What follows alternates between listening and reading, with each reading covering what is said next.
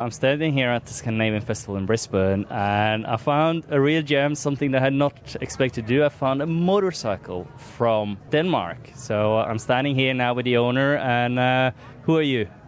Well, my name is Lars and uh, I'm from Denmark. I've been in Australia now for 28 years. And um, I thought it was appropriate to bring a Danish motorcycle into the Scandinavian Festival. So for people to see, and especially the older generations, relate to these uh, Nimbus because there are a lot of them running around in, in Denmark, uh, civilians and also the postal authority. The police use them, so uh, yeah. it's, it's a bit of a Danish icon. So just tell me more about the Nimbus in, in Denmark, and as you said, it was an icon. Well, the first Nimbus, um, which got the nickname Stovepipe, uh, they were manufactured from about 1918 to 1928. Uh, there were only a good 1,200 of them ever made, and then there was a they ceased production in 28. And uh, but then in 1934, this particular model that, that we're standing with here came out in uh, early 1934, uh, and they were built. Um, for the next 25 years, and the production ceased in, in 1959. And there were only 12,700 ever made of, of this model we're standing with here. But it's estimated that about two thirds of the production is still alive.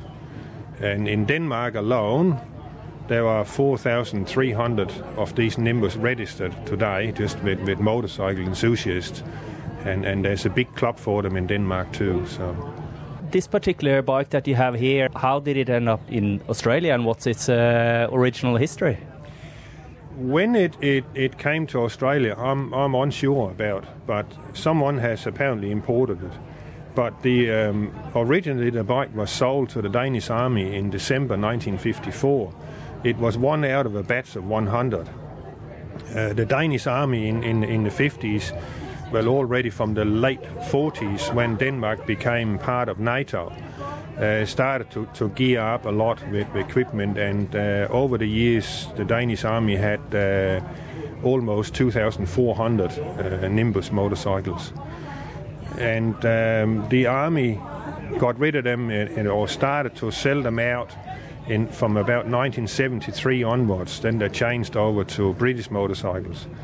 And dealers, Nimbus dealers, then bought up uh, these ex-army uh, motorcycles and civilianized them and, and, and sold them off again. And uh, but I don't know when this one here had, had arrived in Australia, but I picked it up from an Irishman uh, living on the outskirts of Brisbane, and that was in 1998 I bought it, so and have had it since. And uh, when you bought it, uh, you bought it just as the motorbike, and it has a beautiful sidecar to it as well. How did you get hold of the sidecar? Well, the actual sidecar body, uh, which is an original, it, it's, it's called an ACAP. That's the, the, the name on them. And ACAP company was uh, the main supplier to Nimbus with, with sidecar bodies. And I found that on, on a holiday I went to in, in, in Denmark in 2006 um, I sort of got in contact with other Nimbus people and uh, went to visit one. And when we got in his shed down in the back end of the shed, I saw this rusty old sidecar body sitting there, and, and uh, a bit of a story with it. So um, he said, uh, I said, what are you going to do with it? I said, ah, oh, well, he said, my wife has talked about putting it out in the, in the garden, fill it with soil, and put flowers in it. I said, no, no, then it will totally rust out and disappear. I need that body. Oh, you can have it. So I um, got it to another address with friends I stayed and built a crate, contacted a uh, transport company, and they uh, shipped it out to Australia.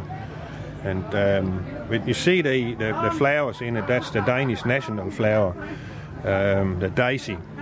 And I put them in after I had restored it up, took a photo, sent it back to the guy that gave me. So I said, here's your flower box. in Denmark, they drive on the other side of the road than what we do here in Australia. So, how did you manage to do that with the sidecar? Because it's a European bike built in Denmark, and, and Nimbus never exported these motorcycles. They built a lot of sidecars for them, but because it was right-hand drive, so the sidecar sits on the right-hand side of the motorcycle in Europe. So I uh, made a set of drawings from a, a friend in Denmark from his sidecar frame, and I mirror reversed it, and I had to build my own frame here to make a, si- a, a left-hand uh, sidecar frame, but it's built a copy off a right hand, but just mirror reversed to a left hand, and then I could mount my sidecar body that I imported from Denmark. So that's how that came about. And as I understand, this is not your only Danish motorbike either.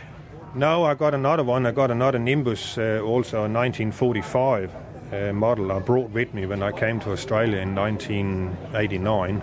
I bought that uh, Nimbus in 1985, and that was actually my first motorcycle I ever bought, and I still have it. And I got another another motorbike in my collection, uh, not a Danish one, it's American and 1934 Indian. So, uh, what's your interest in uh, motorbikes? Well, it's the it's the the history in them and, and ride them and and uh, see, I'm a member in the um, Queensland Historical Motorcycle Club, and there are over 1,100 members in, in that club, and uh, it, it's split up in 14 areas. They go all the way from Rockhampton down to the border almost, and out to Dalby. Uh, around in that triangle there, and uh, there are rallies and, and tours and whatever nearly every weekend that one can participate in. And you meet a lot of different people just when you're out on, on, on rallies and you stop and, and have a cup of coffee or, or whatever, you know, and people always come and talk to you. It, it's sort of a, a draw card as well, and, and, and people come and talk to you, and you meet all sorts of people from all walks of life. And you get many stories. Oh, when I was young, I had such and such motorcycle, and, and, and I, I really like that. But also, the restoration of a motorbike, you pull it down to the last nut and bolt, and you restore everything, build it up again, and then you can take it out and ride it, and you can hear the engine running, and you know this bit and this bit, you know, you know everything in it because you've ha- all had it in your hands, and that's an enjoyment in itself, or for me it is. So. Thank you so much for sharing your story with us here at SBS Radio. You're welcome.